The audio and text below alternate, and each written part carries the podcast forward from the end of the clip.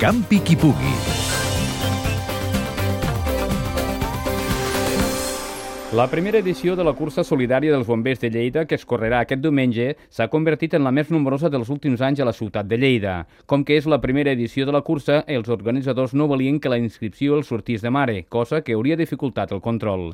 La volien tancar en arribar als 1.200 atletes, però les nombroses peticions els han obligat a arribar fins als 1.400. Això sí, ara ja està tancada. Jordi Martínez, membre de l'organització. Degut a la gran demanda que teníem, no? vam decidir, l'organització va decidir doncs, eh, incrementar 200 inscripcions més, l'organització per tal de, de, bueno, de, de no veure perjudicat el, els serveis del dia de la cursa, doncs ha decidit plantar-nos amb, aquesta, amb aquest nombre d'inscrits. Pel bon funcionament de la cursa i de l'Espai Village, els organitzadors van fer una crida al voluntariat de Lleida i, pel que es veu, és el segon èxit de la cursa dels bombers de Lleida estem molt contents de la resposta que hem rebut de, de la gent doncs, que un, una vegada han, han escoltat, no? han llegit a través del Facebook o de la pròpia pàgina web doncs, que fèiem un reclam a, a tots aquells que volguessin participar amb l'esdeveniment, però amb, amb el rol del voluntari doncs, eh, hem rebut bastants correus electrònics i després, doncs, lògicament, de, de l'entorn de l'organització, del cos de bombers, de familiars.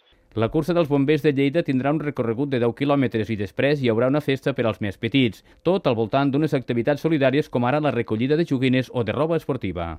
Que és una plataforma una mica per a que certes organitzacions no governamentals o bé doncs, eh, institucions importants de la ciutat de Lleida que tenen objectius doncs, d'ajudar els més necessitats doncs, que mm, puguin obtenir una sèrie de beneficis econòmics a, a través dels diferents serveis que ells mateixos gestionaran aquell dia. No?